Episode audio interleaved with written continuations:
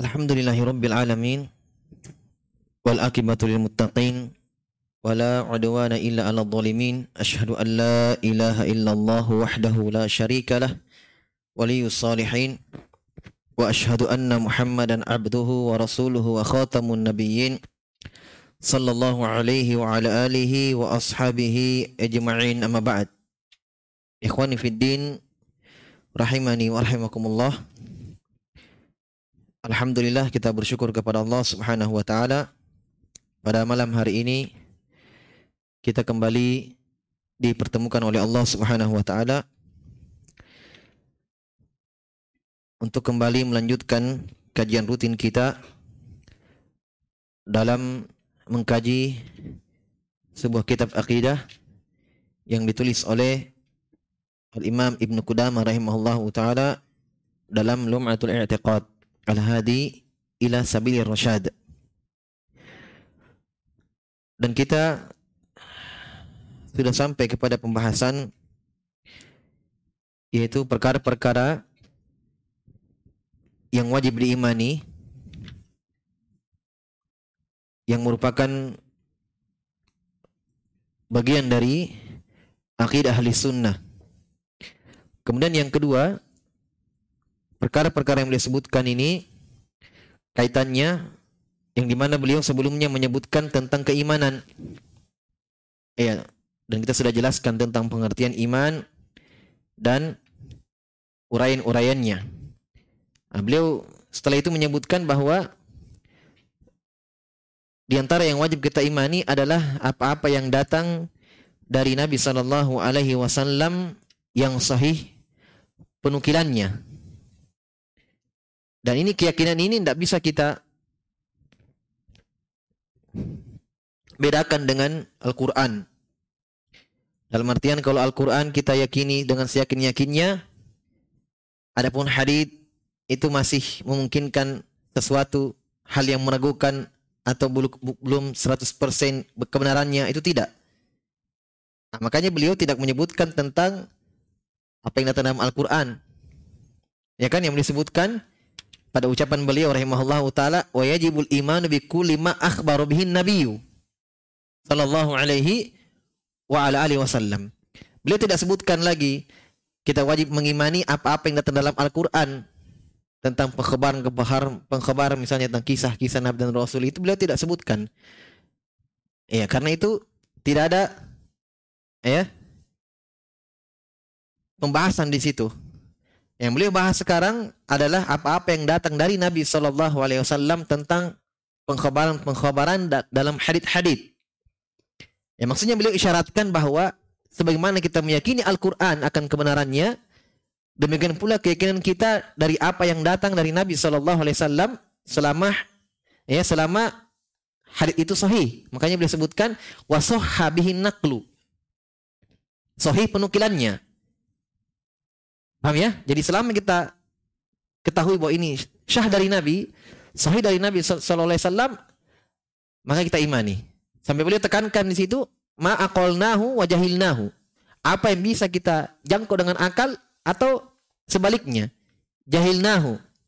Yang kita tidak bisa jangkau dengan akal kita, semua diimani sebab itu benar datangnya dari Nabi sallallahu alaihi wasallam yang di mana Allah berfirman tentang beliau wa ma yantiqu anil hawa in huwa illa wahyu yuha.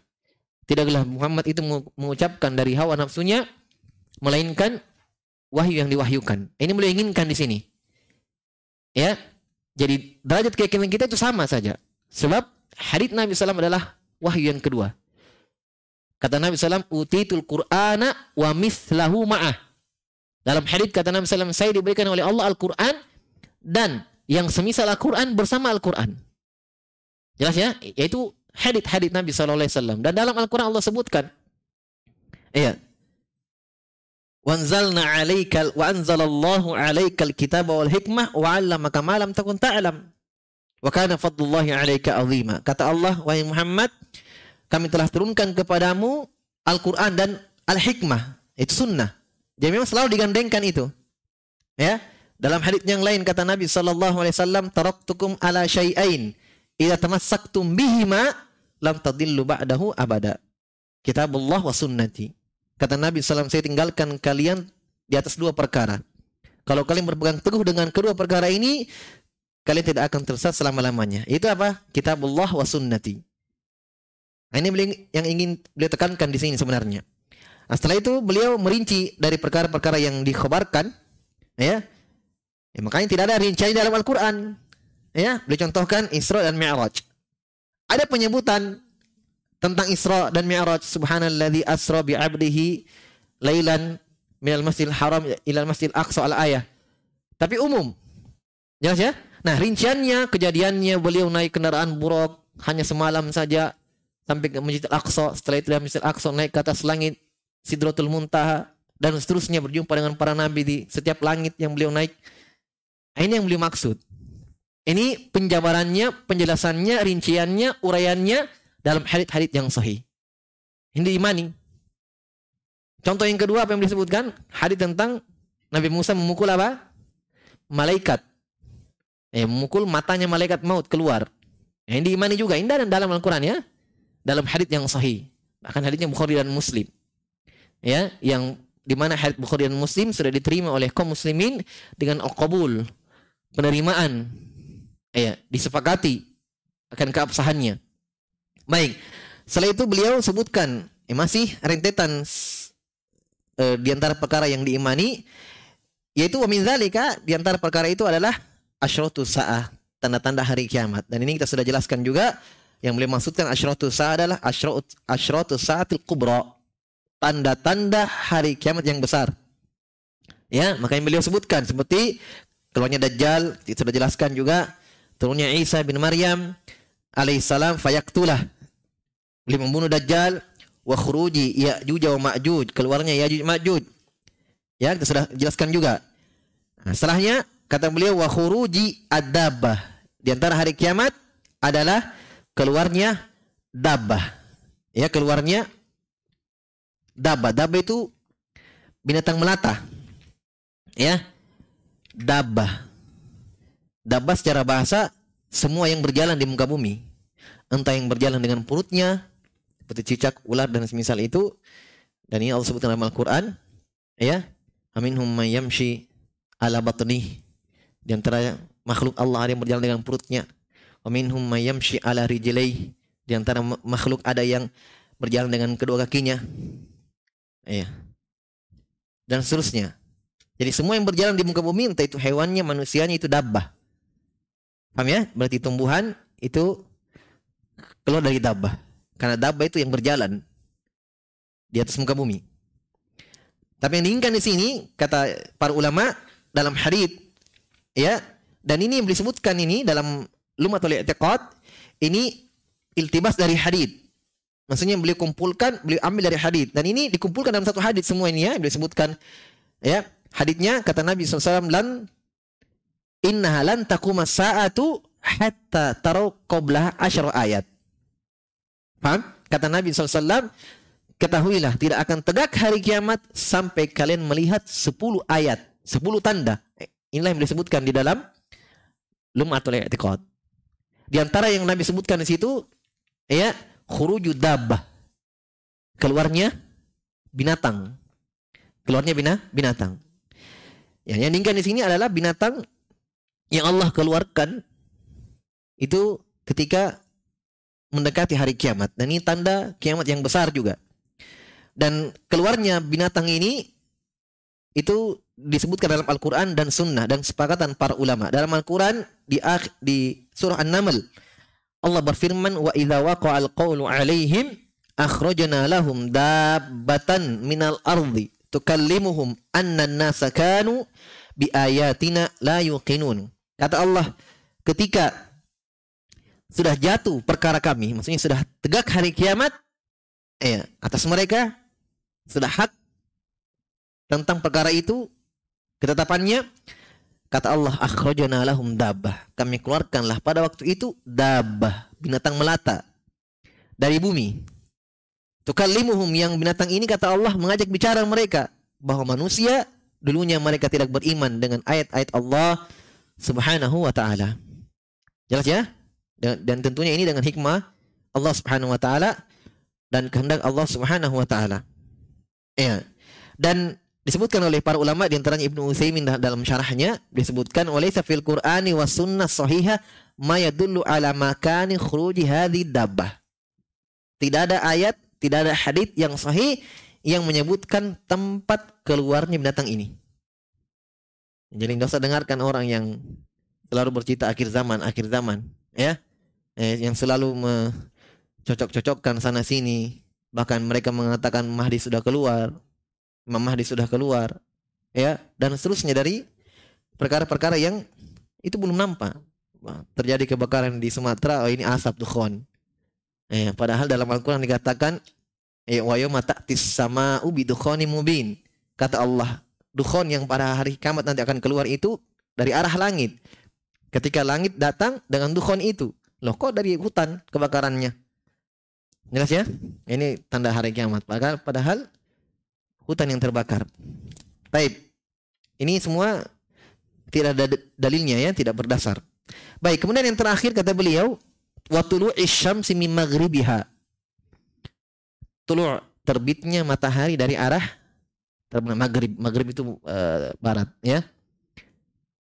Terbitnya matahari dari arah terbenamnya. Wa ashbaha dzalika mimma sahabihi naqlu dan yang semisal dengan itu dari hal-hal yang benar penukilannya. Dan tanda hari kiamat yang terakhir disebutkan itu terbitnya matahari dari arah ya terbenamnya itu disebutkan dalam Al-Qur'an juga. Disebutkan dalam Al-Qur'an Allah berfirman dalam dalam surah Al-An'am ayat 158. Yauma ya'ti ba'du ayati rabbik la yanfa'u nafsan imanuha lam takun amanat min qablu aw kasabat fi imaniha khaira. Surah Al-An'am ayat 158. Allah berfirman hari tatkala datang sebahagian tanda-tanda Allah, tanda-tanda Rabbmu. Itu tanda-tanda dari Rabbmu tentang hari kiamat tentunya. Sebab dikatakan disandarkan kepada Allah ayat-ayatnya Allah karena itu semua dari Allah Subhanahu wa taala. Yang di mana tanda ini kata Allah kalau keluar tanda ini itu terbitnya matahari arah terbenamnya la yang fa'u nafsan imanuha. Kalau sudah ini tanda yang terjadi yang keluar kata Allah tidak bermanfaat dah pada waktu itu keimanannya seseorang yang dulu tidak im, yang dulu dia tidak imani sebelumnya atau yang dulu dia tidak melakukan mengimani Iya, dari kebaikan-kebaikan yang dia tidak amalkan dalam keimanannya. Jelas ya? Makanya diletakkan urutan terakhir karena memang di sinilah tidak bermanfaat lagi apa? Taubat, iman. Ini kata Allah Subhanahu wa taala. Dan di dalam hadis ditafsirkan oleh Nabi sendiri dalam hadis Bukhari Muslim dari sahabat Abu Hurairah Nabi bersabda la taqumus saah hatta tatlu asy-syamsu min maghribiha tidak akan tegak hari kiamat sampai terbitnya matahari dari arah terbenamnya. Wa fa idza tala'at kata Nabi SAW kalau matahari sudah terbit di arah terbenamnya waru'ahan nasu maka manusia sudah melihatnya amanu ajma'un di situlah kata Nabi SAW manusia beriman semuanya ah setelah itu kata Nabi SAW wadzalika hina dan tatkala itu Itulah firman Allah. Beliau baca firman Allah dalam surah Al-An'am tadi yang kita baca. Ayat 158 Allah berfirman la yang fa'u nafsan imanuha. Ya, hari tatkala tidak bermanfaat lagi imannya seorang seseorang atau amalan-amalan yang dulu dia tidak amalkan dari keimanannya itu. Jelas ya, berarti Nabi baca ya, beliau tafsirkan hadis dari Nabi wasallam bahwa la yang fa'u nafsan imanuha itu tanda terbitnya mata dari arah dari arah terbenamnya atau yauma ya'ti ba'du ayati rabbik hari tatkala nampaklah sebagian tanda-tanda hari kiamat itu dari Allah Subhanahu wa taala. Walaupun Allah tidak sebutkan bahwa yang dimaksud di sini tanda adalah terbitnya matahari dari arah terbenamnya. Jelas ya? Tetapi ditafsirkan oleh Nabi SAW dalam hadis yang kita baca tadi berarti yang diinginkan dengan sebagian tanda itu adalah terbitnya matahari dari arah terbenamnya. Karena Nabi menjelaskan dalam hadis. Jelas ya? Kata Nabi SAW tidak akan terjadi hari kiamat sampai terbitnya matahari dari arah terbenamnya. Dan di situlah keimanan tidak bermanfaat. Beliau bacalah ayat itu tadi. Tanya berarti Nabi menafsirkan. Ya, jadi ayat itu ditafsirkan dengan hadis. Iya.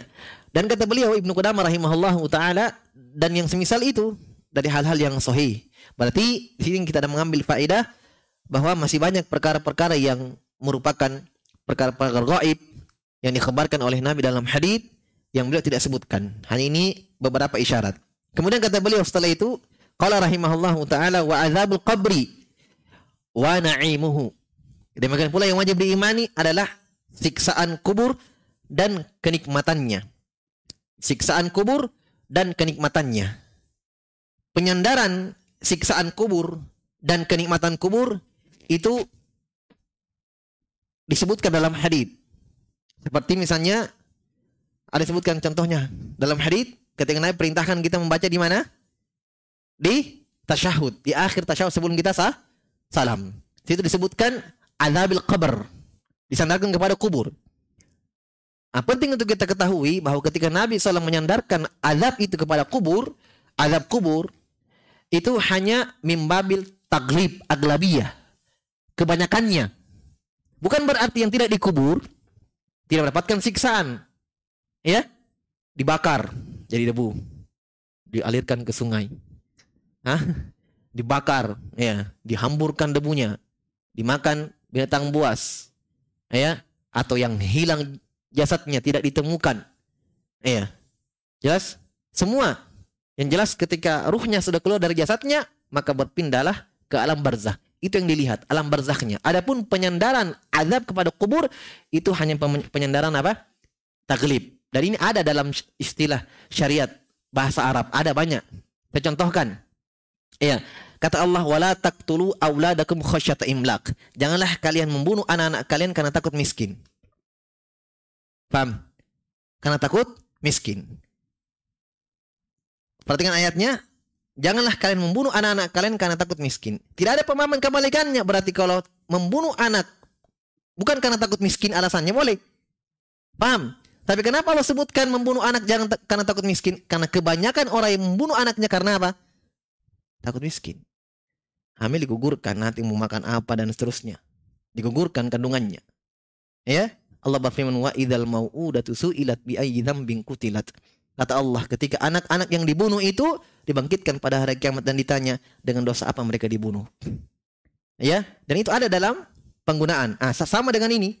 Ketika Nabi SAW sandarkan azabul qabr, kita diperintahkan untuk bertawud, meminta perlindungan kepada Allah Subhanahu wa taala dari siksaan kubur. Ya, maksudnya siksaan alam barzakh. Bukan cuma yang dikubur saja dapatkan siksaan. Paham ya? Ya. Kenapa seperti itu kita katakan? Iya karena Fir'aun, kita sepakat bahwa Fir'aun ditenggelamkan, tidak dikubur. Ya kan? Fir'aun ditenggelamkan oleh Allah. Tetapi kata Allah dalam Al-Quran dijelaskan bahwa dia tersiksa sekarang. Padahal dia tidak dikubur. Kata Allah, An-naru yu'raduna 'alaiha guduwan wa 'ashiyya. Wa yawma taqumu adkhilu ala fir'aun asyaddal 'adzab. Kata Allah Subhanahu wa taala, dan neraka diperlihatkan oleh Fir'aun dan pengikutnya. Bala tentaranya. Pagi dan petang. Ini siksaannya. Sampai sekarang, sampai detik ini. Ya, sampai pada hari kiamat nanti, hari berbangkit. Tersiksa terus. Di mana disiksa ini? Di mana? Di dunia pasti bukan, karena dia sudah meninggal. Ya kan? Mati Firaun. Di akhirat bukan juga, karena di akhir di akhir ayat kata Allah, "Wa yauma Setelah itu kata Allah, di hari kiamat nanti masukkanlah Firaun ke siksa yang lebih pedih daripada itu. Paham? Berarti di mana itu disiksa itu tadi? Di alamnya, alam barzakh. Paham? Makanya dari situ kita bisa mengambil kesimpulan dari akidah bahwa tidak ada orang yang meninggal hidup lagi. Paham? Karena alamnya sudah alam barzakh. Wa bainahuma barzakhun ila yaumi yub'atsun kata Allah. Antara itu ada barzakh, pemisah yang tidak pernah bertemu. Alam barzah namanya, pemisah. Namanya barzah tembok, barzah, penutup. Masa orang sudah meninggal hidup lagi? Nah ada cerita hidup lagi. Ya, ada di kubur Ustaz, sudah dalam peti apa hidup lagi. Itu belum mati mungkin. Masih bergerak jantungnya. Ya hidup lagi. Ya ada yang dikubur ya belum mati itu. Ya ada yang dikubur sudah lihat keluar dari kubur Ustaz sudah tobat. Kenalnya ada malaikat, ah, syaitan itu. Ada malaikat siksa dia dan seterusnya. Itu kebohongan jelas. Ya. Tapi ini diyakini oleh orang-orang yang benar akidahnya. Kalau dirusak akidahnya, rusak akidahnya akan ikut dengan itu. Ada apalagi kalau sudah nonton film hantu. Ay, selesai. Anak-anak. Ya. jinnya menampakkan dirinya seperti orang yang sudah meninggal, oh, hidup lagi. Ya. Ada orang bunuh diri, semalam muncul lagi. Jelas ya? Itu merusak akidah. Jadi tidak ada selama ruhnya sudah keluar berpindah alam, alam barzakh namanya. Difaham ya? Baik. Jadi sekali lagi bahwa penyebutan azabul qabr dan naimul qabr itu penyebutan aglabiyah. Kebanyakan istilahnya. Galib. Galib kan artinya kebanyakan. Aglab. Kata beliau, kita harus meyakini ini juga. Ya.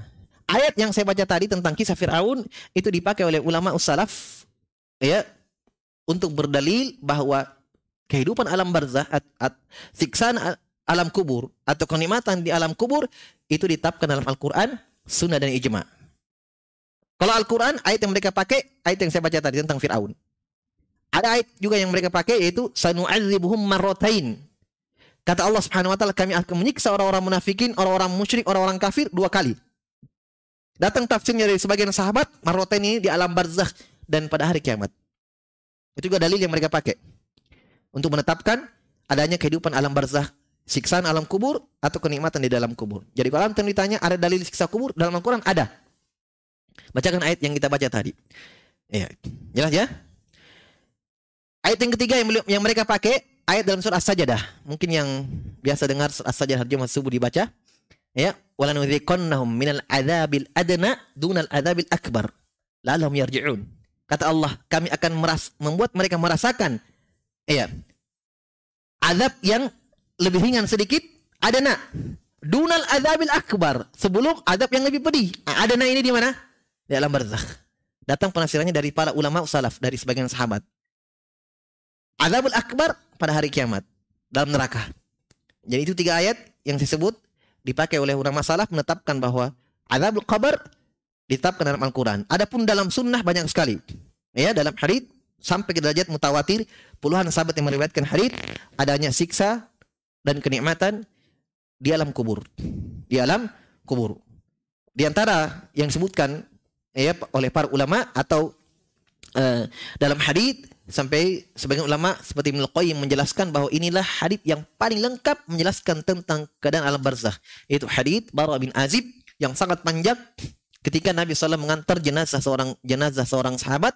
Dan di situlah beliau ya setelah menguburkan sahabat tersebut beliau jelaskan keadaan alam barzakh. Dari awalnya keluar ruh itu dari jasad ya kemudian malaikat mengangkat jasad itu ke atas langit. Ya kemudian penjaga pintu langit mengatakan siapa kamu? Siapa yang kamu bawa? Ya kalau orang-orang beriman langit yang uh, orang beriman malaikat yang mengantarnya mengatakan saya malaikat dan bersama saya si fulan ibnu fulan ibnu fulan. Disebutkan namanya yang paling indah yang dia pakai di dunia dan disebutkan juga nama bapaknya fulan bin fulan. Maka orang beriman penjaga pintu langit menerima dengan penerimaan kemudian ya dikembalikan. Jelas ya? Dan seterusnya dari kisah-kisah beliau jelaskan di situ dalam hadis yang panjang. Ibnu Qayyim menjelaskan bahwa itu hadis yang paling lengkap menjelaskan keadaan alam barzakh. Di situ dijelaskan dua dua keadaan setelah Nabi disebutkan orang keadaan orang beriman, setelah itu keadaan orang kafir. Ya, di alam barzakh mereka ditanya marubuk madinuk, waman nabiyuk, siapa rupmu. Ya, akan jelaskan nanti. Taib. Jadi di antara yang kita wajib imani adalah siksaan kubur dan kenikmatan kubur. Kata beliau, "Adzabul qabri wa na'imu haqqun." Siksaan kubur dan kenikmatan kubur adalah kebenaran, hak. Wa qad ista'adha an-nabiy sallallahu alaihi wasallam minhu wa amara bihi fi kulli salatin. Iya, sungguh kata beliau, Nabi telah beristiadah. Nabi telah meminta perlindungan dari siksaan kubur ini. Subhanallah, Nabi saja yang kita sudah pastikan selamat dari siksaan kubur dan sudah pasti mendapatkan kenikmatan alam barzakh tetap berdoa meminta perlindungan kepada Allah Subhanahu wa taala. Kata beliau wa amara bihi fi kulli salatin dan Nabi juga selain mengamalkannya itu selain meminta perlindungan kepada Allah dari siksaan kubur, beliau juga memerintahkan siapa? Umatnya untuk apa? Hah? Untuk beristiadah juga. Jadi wa amaru bihi bihinya kembali kepada istiadah. Wa amaru bihi ya dan Allah dan Nabi SAW memerintahkan juga umatnya untuk beristiadah. meminta perlindungan kepada Allah Subhanahu wa taala fi kulli salatin dalam setiap solat. Bahkan madhab Imam Ahmad walaupun jumhurnya itu sunnah, jumhur uh, fukaha mengatakan sunnah. Hukumnya membaca meminta perlindungan kepada Allah dari empat perkara di tasyahud kita sebelum salam. Jumhur mengatakan sunnah. Madhab Imam Ahmad mengatakan wajib. Kenapa? Karena diperintah dalam hadis. Kata Nabi SAW setelah kalian baca salawat, kata Nabi SAW, kata Nabi SAW itu, fal yasta'id min, minal arba. Ya, atau kama Nabi SAW. Kata Nabi SAW, setelah itu, fal yasta'id. Mintalah perlindungan. Dan diketahui bahwa kaidah dalam madhab Imam Ahmad seperti itu. Bahwa ketika ada perintah, ya, mereka tetap memakai kaidah umum. Bahwa ketika ada perintah dan tidak ada pemalingannya, maka itu tetap pada asalnya itu perintah wajib. Jelas ya? Nah, sebagian eh, kalau jumhur mengatakan sunnah karena mereka mendapatkan dalil yang memalingkan dari makna wajib yaitu ketika Nabi SAW menegur orang yang sholat ya menegur orang yang sholat yang tidak bersolawat ya yang tidak bersolawat kepada Nabi SAW di akhir tasyahudnya di akhir tasyahudnya nah, di situ beliau menyebutkan bahwa kalau kamu setelah bertasyahud ya setelah bertasyahud bacalah selawat. Dan setelah itu kata Nabi SAW, mintalah ya, apa yang kamu ingin minta. Kata para ulama, sini Nabi tidak menyebutkan empat perkara itu. Ya, yang jelas ini ada khilaf antara hukumnya sunnah dan wajibnya membaca itu. Mereka sepakat akan disyariatkannya.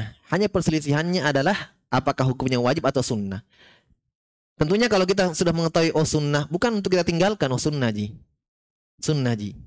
Tapi justru kalau kita mengetahui ya ini disyariatkan maka itu mendorong kita untuk melakukannya.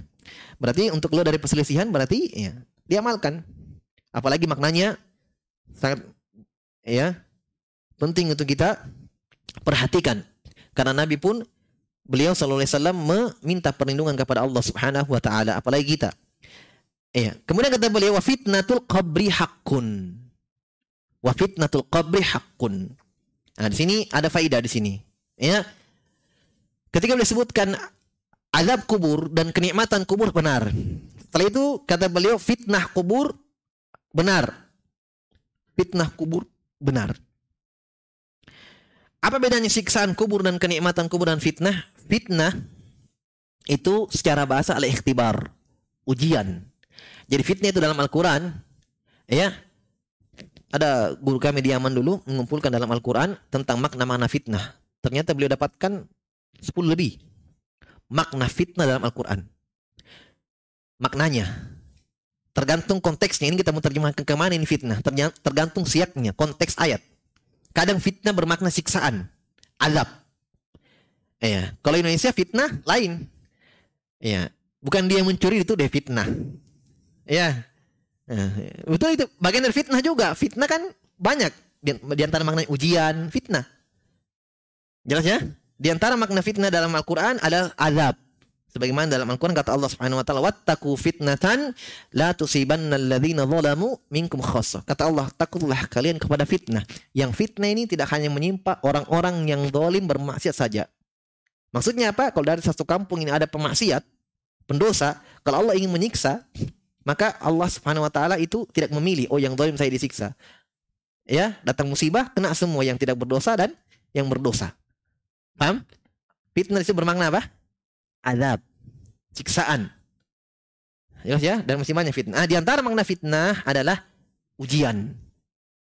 Nah, berarti sudah kita paham masuk ucapan beliau di sini fitnatul qabri hakun. Fitnah kubur adalah benar. Itu maksudnya apa? Pertanyaan. Fitnah di dalam barzakh itu pertanyaannya. Iya. Ujian. Ah, nanti hasilnya dari ujian ini imma azabun, imma na'imun.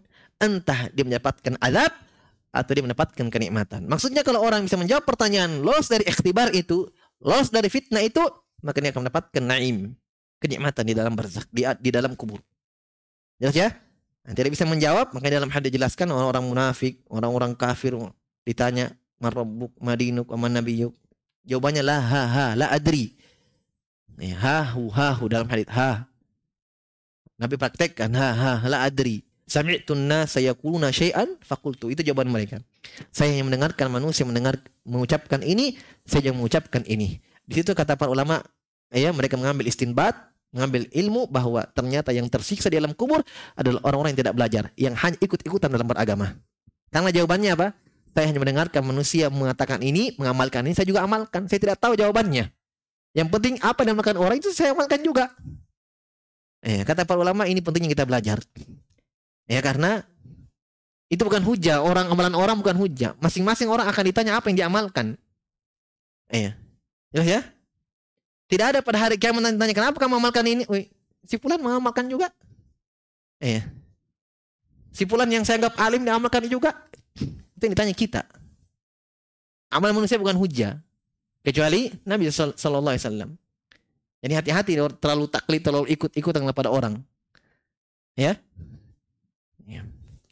Itulah gunanya orang belajar. Karena kalau kita taklid, tanda kutip, taklid buta. Pokoknya kalau bilang A, A. Gurunya A, A. Gurunya bilang AB, AB. Nah, tidak boleh sisi gurunya. Sisi gurunya sesat. Hah? Ini bahaya ini seperti. Mengkultuskan seorang, ya, taklid kepada seorang, taklid buta namanya. Taklid itu akma. Tidak boleh, haram. Tercela dalam syariat. Sepakat para ulama. Ini bahayanya ini, seperti ini. Dia mengatakan saya mendengarkan orang bilang ini, saya juga mengatakan itu. Ya, kan sama metode orang-orang musyrikin seperti itu dalam beragama, kan ikut bapak-bapak nenek moyang. Ya kan? Ketika Nabi SAW mengajak mereka untuk mentauhidkan Allah Subhanahu wa taala, meninggalkan sembahan-sembahan mereka selain Allah Subhanahu wa taala, kata mereka apa? Inna wajadna aba'ana ala ummah. Kami telah mendapatkan nenek moyang kami, orang-orang tua kami di atas ini amalannya. Kami amalkan juga. Kami amalkan juga. Makanya Syekh Muhammad bin Abdul Wahab dalam masa ilmu jahiliyah menyebutkan puluhan masalah, puluhan ya perkara-perkara jahiliyah. Ciri-ciri orang jahiliyah di antaranya beragama atas dasar agama nenek moyang. Disebutkan situ, disebutkan ayat-ayatnya dalam Al-Qur'an. Baik, jadi fitnah di sini soal ya. Pertanyaan. Iya, pertanyaan. Kata beliau wasuali mungkari suali mungkarin wa nakirin hakun. Pertanyaan mungkar dan nakir hak. Ini yang disebutkan fitnah. Ya. Dan ini ditetapkan dalam Al-Quran fitnah ini. Sunnah dan ijma. Dalam Al-Quran itu firman Allah dalam surah Ibrahim ayat 27. Iya. Yuthabbitullahu alladhina amanu bil qawli thabiti fil hayati dunya wal akhirah. Kata Allah Subhanahu wa taala kami kokohkan kami kuatkan. Ya Allah kuatkan orang-orang yang beriman dengan ucapan yang kuat. Qaul sabit. Sabit itu kan uh, asalnya ketika sesuatu tertancap dalam tanah kuat, digoyang tidak kuat, itu kita katakan sesuatu ini sabit, kokoh. Itu penggunaannya. Jadi sabit itu artinya kuat, kokoh ya. Ucapan yang kuat di kehidupan dunia dan akhirat. Dan akhirat. Iya.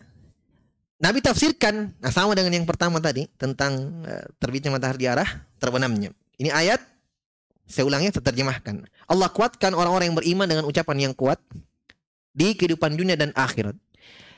Nabi bersabda dalam hadis Bukhari dan Muslim dari sahabat Bara bin Azib, Al-muslimu idza su'ila fil qabri.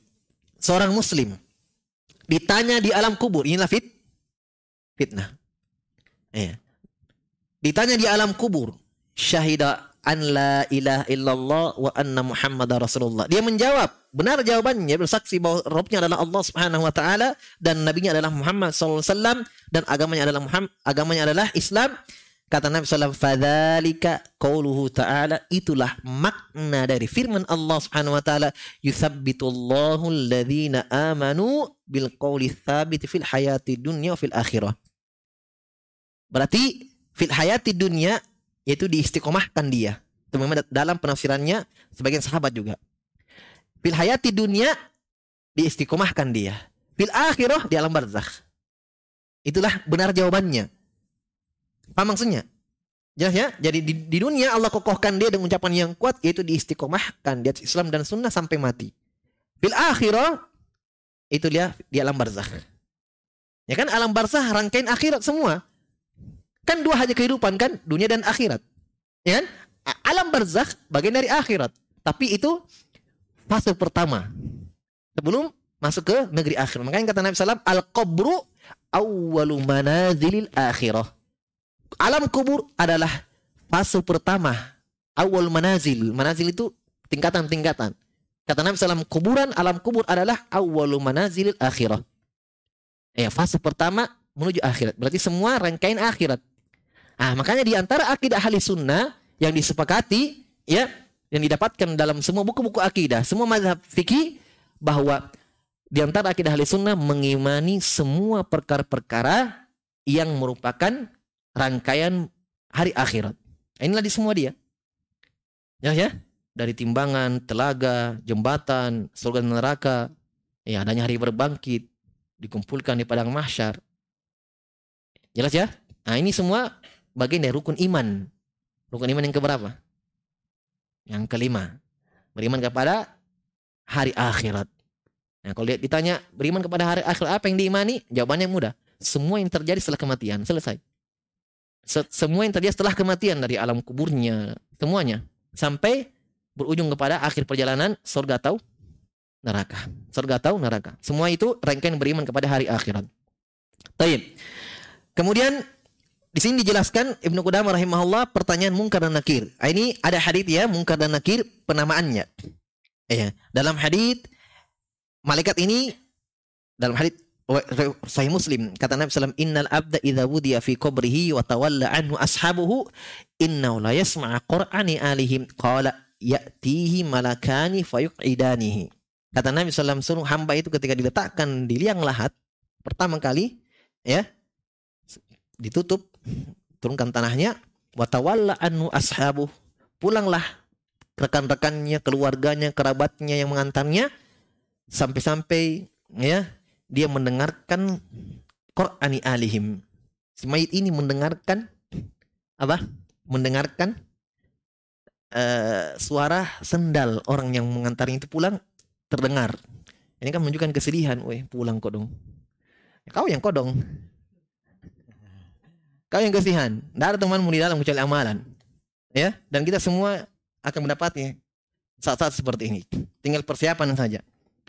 Makanya saya teringat dengan hadis ketika seorang sahabat Ansor datang kepada Nabi SAW bertanya tentang orang yang paling cerdas. Ya Rasulullah manil akiyas. Ya Rasulullah siapa yang manusia yang paling cerdas? Yang paling pintar? Nabi tidak menyebutkan nama sepulan, sepulan, sepulan, sahabat Abu Bakar dan tidak. Kata Nabi, Alladhi aktharuhum dzikran lil maut wa ahsanum isti'dadan ba'dal maut ulaikal akiyas. Kata Nabi SAW yang paling cerdas adalah yang paling banyak ingat matinya dan yang paling baik bekalnya sebelum menjumpai kematiannya. Ula ikal akyas. Itulah orang-orang yang cerdas. Walaupun dia tidak sekolah. Walaupun dia tidak sekolah dan ini dan itu. Tidak ada titilnya dan itu, itu dan seterusnya. Inilah orang yang cerdas. Sisi Nabi. Ya, kenapa?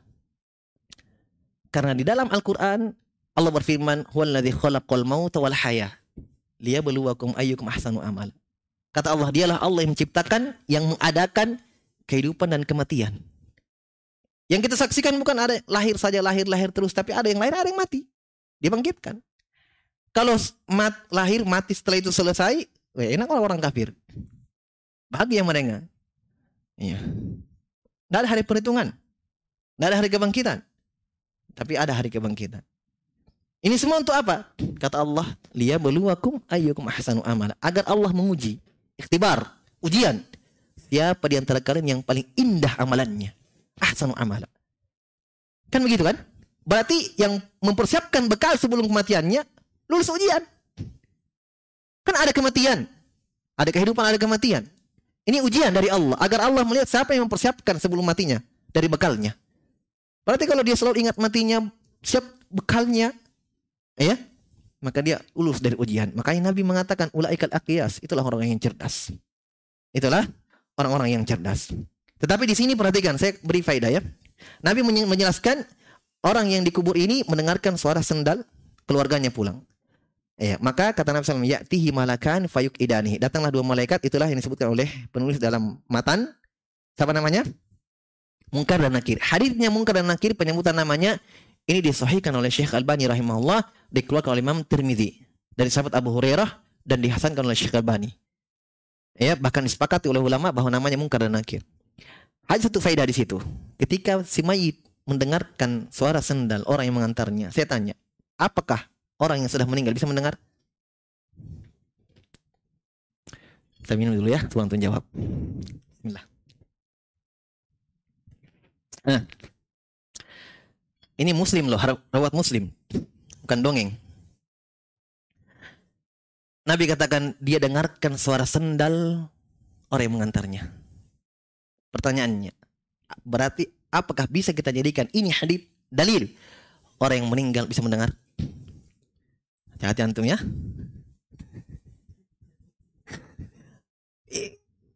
Ini didengarkan loh. Hah? Ah, para ulama menyebutkan Imam Qurtubi punya kitab At-Tadkirah fi ahwalil mauta wal akhirah. Disebutkan bahwa ini ada khilaf di kalangan para salaf. Ada yang mengatakan orang yang ya orang yang meninggal itu tidak mendengar. Tidak mendengar. Diperkecualikan dalil-dalil yang di situ dia mendengar. Seperti ini. Selain itu tidak mendengar. Ini yang dipilih oleh Imam Syaukani, Syekh Mukbil, uh, Syekh Albani rahimahullah taala. Fan saya sebut. Syekh Albani rahimahullah dan ulama yang lainnya. Paham? Aisyah radhiyallahu taala anha berpendapat sama sekali tidak mendengar. Orang yang sudah meninggal sama sekali tidak mendengar. Aisyah radhiyallahu anha. Sahih dari beliau.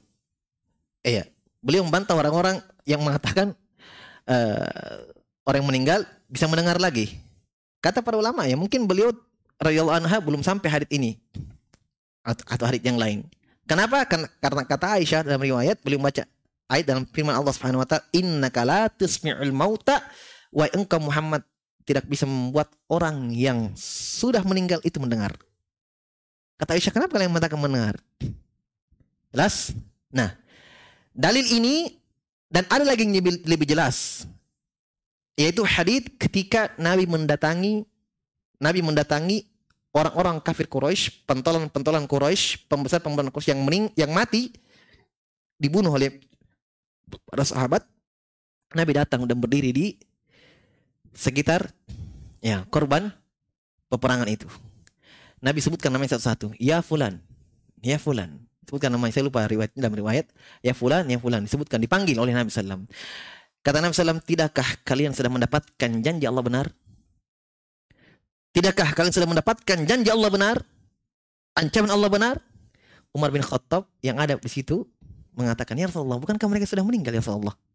Ini kan dipanggil oleh Nabi dan ya bicara oleh Nabi. Sallallahu alaihi wasallam. Kata Umar bin Khattab, Ya Rasulullah, mereka sudah meninggal ya Rasulullah. Apa jawaban Nabi? Ya Umar, in, innaka lasta bi asma minhum kamu wahai Umar tidak lebih mendengar daripada mereka. Paham? Jelas ya? Nah, para ulama mengatakan bahwa orang, perhatikan baik-baik, ini jawaban faedah ini. Orang yang sudah meninggal dari sisi mendengar mendengar, tetapi pendengaran yang tidak bisa memberikan manfaat dari apa yang mereka dengar. Beda dengan pendengarannya orang yang masih hidup. Kalau pendengaran masih hidup dia dengar dan bisa memberikan manfaat. Misalnya, eh ambilkan ini, saya tolong ini, saya karena dia ada Iya. Ada interaksi, maksudnya pendengarannya memberikan manfaat. Mereka pendengarannya tidak bisa memberikan manfaat. Maksudnya apa? Walaupun kita minta di situ, minta apa? Tidak bisa. Allah katakan dalam Al-Qur'an, ya, innaka la tusmi'u fil kubur. Engkau kalian tidak bisa membuat tidak bisa membuat mendengar orang yang sudah dikubur. Maksudnya apa? Pendengaran yang membuat kalian ada manfaat di situ. Bisa dipahami? Dan ini pendapat yang dipilih oleh Ibnu Taimiyah dan Ibnu Qayyim dan selainnya. Sama di sini, dia kan cuma mendengar. Ya kan? Makanya coba antum lihat riwayat-riwayat cuma mendengar saja. Tidak ada yang diminta tolong, ada manfaat di situ, tidak ada. Seperti di sini dia hanya mendengar itu. Hanya mendengar suara sendalnya. Dipahami ya? Ya. Taib. Kemudian disebutkan oleh beliau rahimahullah taala tentang soal mungkar dan nakir. Pertanyaan mungkar dan nakir. Situ ada per, per, pembahasan dalam uh, bab akidah. Apakah uh, Ibnu Utsaimin sebutkannya wasu'al amul lil mukallafin min wal kafirin. Pertanyaan ini umum untuk semua yang mukallaf, semua orang yang sudah terkena beban syariat, terkena syariat. Iya, Mukallaf itu tandanya apa? Apa itu mukallaf? Kapan ukuran mukallaf? Balik. Balik saja. Akal Hasan. Balik keluar apa? Keluar apa kalau balik? Keluar apa di situ yang tidak masuk balik? Anak kecil. Itu saya bilang balik. Ya, anak kecil berarti. Berakal keluar apa? Orang gila. Jelas ya? Berarti anak kecil yang belum balik. Dan orang gila tidak berakal, tidak mukallaf. Dalam artian tidak dibani syariat. Kalau mereka tidak sholat, tidak berdosa. Orang gila, orang gila biar subuh subuh lima tidak berdosa. Ya kan tidak sadar. Kenapa? Karena inti dari ibadah adalah nih, niat. Inna malak malu beniat. Orang gila ada niatnya. Nah, hanya kalau dalam hal merusak atau meru merugikan orang lain, hak manusia harus diganti oleh ahli ahli warisnya, keluarganya. Rusak mobil orang, rusak kaca orang, rusak ya, tanaman orang, pagar orang. Eh, dia orang gila. Dari dosa, hak Allah tidak kena dia karena tidak mukallaf, tapi hak manusia diganti. Ya, ahli waris yang gantikan. Jangan lupa gila, ya gila tapi rugi orang. Iya. dari dosa tidak terangkat dia kalau dari dosa. Kan ketika mendolim kan ada dua hak di situ kan, hak Allah dan hak yang ditolimi. Hak Allah gugur. Iya. Karena dia tidak mukallaf. Hanya hak manusia ditunaikan. Hak manusia di, ditunaikan. Nah, pembahasannya kata beliau wa min hadhil ummah wa ghairihim ala al-qawli sahih fi ghairil mukallafin. Gaik, khilaf. Ya. Umat ini semua umat kita ditanya, kafir dan mukmin ditanya. Nah, yang diperselisihkan gair mukallaf, anak kecil orang gila. Apa ditanya? Sebagian ulama mengatakan gair mukallaf, ya anak kecil orang gila yang meninggal dari kegilaannya tidak ditanya, tidak mendapatkan pertanyaan ini. Paham? Ini pendapat sebagian ulama. Tapi pendapat yang kuat Allah alam dan dipilih oleh Ibnu Qayyim dan dalam kitabnya Ruh bahwa yang benar walaupun mukallaf juga ditanya. Paham ya? Satu antum ditanya bagaimana bagaimana kalau anak kecil yang meninggal, apa kita dalam kubur? Jawabannya iya. Paham ya? Jawabannya iya. Orang gila meninggal juga ditanya di alam kubur. Tidak ada yang lepas, yang lolos dari pertanyaan mungkar nakir kecuali berapa? Siapa yang tidak ditanya? Harus jawab. Ada yang bisa jawab. Ada beberapa golongan. Ada beberapa yang ditanya. Yang pertama apa? Syuhada. Orang mati syah? Syahid. Dalam hadits yang sahih. Dalam hadits yang sahih kata Nabi SAW, kafa, beliau tanya. Ya dalam hadits yang disahihkan oleh Syekh Al-Bani rahimahullah ta'ala. Ya, yang dikeluarkan oleh Imam Nasai. An rajulin min ashabin Nabi sallallahu radhiyallahu anhu anna rajulan ka qala Ya Rasulullah, ma baluk min yuftanuna fi kuburihim ila syahid. Ya Rasulullah, kenapa orang-orang beriman ditanya di kubur-kubur mereka? Kenapa orang mati syahid tidak? Kenapa orang mati syahid tidak? Jelas ya? Kata Nabi SAW, kafa bi barakatis suyufi ala ru'sihil fitnah. Cukuplah kilapan-kilapan pedang, tebasan-tebasan pedang di leher mereka, itu fitnah bagi mereka. Subhanallah. Maksudnya apa? Sudah itu lebih ngeri itu. Ya. Cukup itu sebagai fitnah untuk mereka, mereka selamat dari pertanyaan di, di alam barzakh. Jelas ya? Ini dari Nabi Shallallahu Alaihi Wasallam. Yang ditanya lagi apa? Para nabi. Iya kan? Nabi Shallallahu Alaihi Wasallam. Kenapa? Karena para nabi lebih afdal daripada siapa? Hah? Syuhada. Karena di dalam urutan ulaika an'amallahu alaihim minan nabiyina was-siddiqina wasyuhada'i was-solihin wa hasuna ulaika rafiqa. Mereka itulah sebaik-baik teman. Urutannya perhatikan para nabi was-siddiqin wasyuhada. Makanya para ulama mengatakan siddiqin juga tidak ditanya. Kenapa? Lebih af afdol tingkatannya daripada syuhada. Apa artinya siddiqin? Orang yang sudah jujur keimanannya. Jelas jujurnya keimanannya. Tapi ditanya. Sebentar dia sudah julukannya siddiqin Wa Imam Siddiqin, para nabi juga. Ya, setelah itu Abu Bakar As-Siddiq. Jelas ya? Para nabi kita katakan mereka juga iya, bahkan mereka yang lebih pantas di, mendapatkan iya, kejujuran, bukti, pembenaran keimanan mereka. Nah, hanya ada di antara selain para nabi yang mendapatkan itu siddiq. Orang yang jujur dalam keimanannya. Makanya mereka tidak ditanya. Itu pendapat beberapa eh, sebagian ulama ya sebagian para ulama. Taib. Jadi itu yang diperkecualikan yang tidak mendapatkan. Selain itu mendapatkan pertanyaan. Kemudian disebutkan juga masalah lagi, apakah pertanyaan ini hanya khusus untuk umat Islam saja? Maksudnya bagaimana dengan Bani Israel, umatnya Nabi Isa, ya umatnya Nabi Nuh, umatnya Nabi Saleh, umat, apakah mereka kan mereka mati juga kan? Ya. Apakah mereka tidak mendapatkan pertanyaan ini? Ini ada khilaf di kalangan para ulama, tapi pendapat yang dikuatkan oleh Ibnu Qayyim bahwa mereka juga mendapatkan pertanyaan ini, tetapi pertanyaan nabi mereka sesuai dengan nabi mereka yang diutus kepada kepada mereka. Demikian pula pertanyaan tentang agama syariat mereka itu sesuai, sesuai dengan pertanyaan agama mereka. Baik. Sudah ada ya?